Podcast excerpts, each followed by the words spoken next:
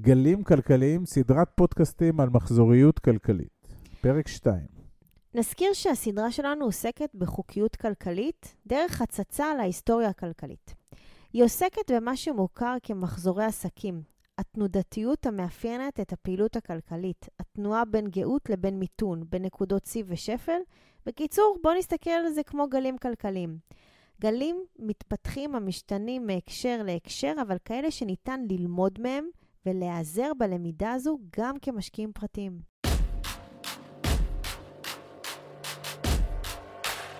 ברוכים הבאים למדברים השקעות עם עמית ואגר.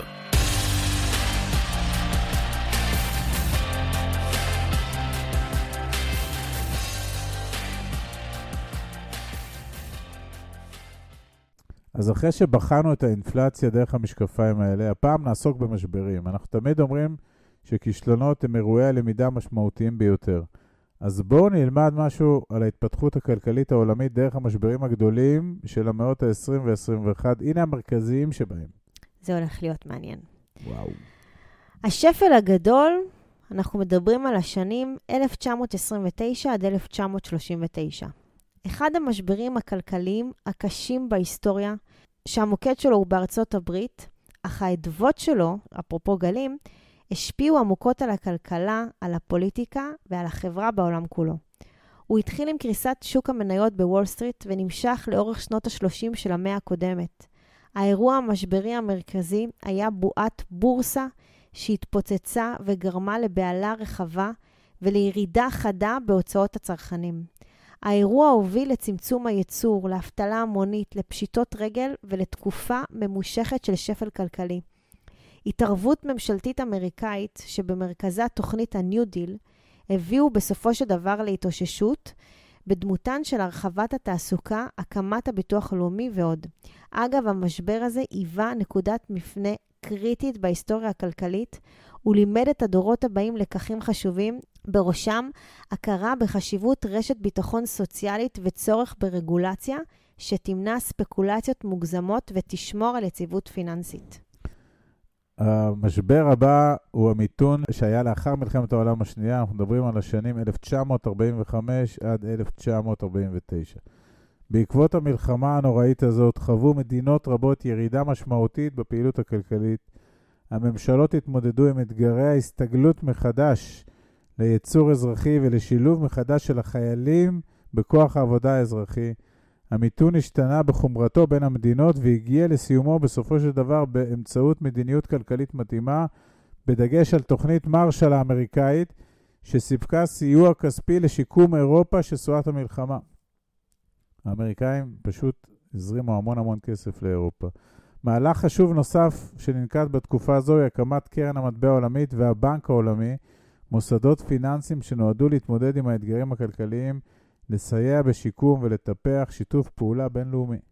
משברי הנפט של שנות ה-70 המשבר הראשון שהתרחש בשנת 1973, כאשר אופק, ארגון המדינות הערביות המייצאות נפט, הטיל אמברגו על מדינות התומכות בישראל במלחמת יום הכיפורים, והשני בשנת 1979, לאחר המהפכה האיראנית והשיבושים באספקת הנפט שבעקבותיה. אירועים אלה הביאו לעלייה חדה במחירי הנפט וגרמו לסטגפלציה, מצב שבו משולבות רמות גבוהות של אינפלציה ואבטלה, ולפיכך גם האטה כלכלית במדינות רבות. סטגפלציה זה הכי גרוע שיש. זה גם מילה נורא קשה. זו מילה נוראית. וגם המחירים עולים והאבטלה עולה. אז כאילו, גם אין לך עבודה וגם אין לך מה לקנות איזה אוכל. פחד. המשבר הבא שאנחנו מדברים עליו הוא משבר הדוט קום, שהוא היה איפשהו בין 1997 ל-2001. בועת הדוט קום מתייחסת להשקעות ספקולטיביות במניות הטכנולוגיה בסוף שנות ה-90 ובתחילת שנות ה-2000. המשקיעים הזרימו כמויות גדולות של הון לחברות מבוססות אינטרנט. היה Buzzword שקראו לו אינטרנט. אה, לעתים מבלי לבחון את תוכן והיקף העשייה של אותן חברות ושל הרווחיות שלהן. חלק גדול מהחברות הללו לא הצליחו לעמוד בהבטחות וביעדים, והבועה התפוצצה בסופו של דבר בשנת 2000. מחירי המניות שם צנחו באופן שהביא להפסדים גדולים ולמיתון כלכלי גדול, שגם קיבל פוש חזק אחרי פיגועי ספטמבר 11 בשנת 2001, שגם לא עזר לכלכלה האמריקאית לצאת מהמשבר שלה. והמשבר האחרון שנדבר עליו היום, המשבר הפיננסי העולמי, 2007 עד 2009, המשבר המכונה לעיתים משבר 2008 או משבר הסאב פריים. המקור שלו הוא בארצות הברית, עם קריסת שוק המשכנתאות הסאב פריים, מה שהיה בסיכון גבוה, ונפילתן של מיד לאחר מכן של כמה מוסדות פיננסיים גדולים. המשבר התפשט ברחבי העולם והביא למיתון חמור ולסערה פיננסית. כלכלות רבות חוו התכווצות בפעילות הכלכלית, עלייה באבטלה וירידה באמון הצרכנים והמשקיעים.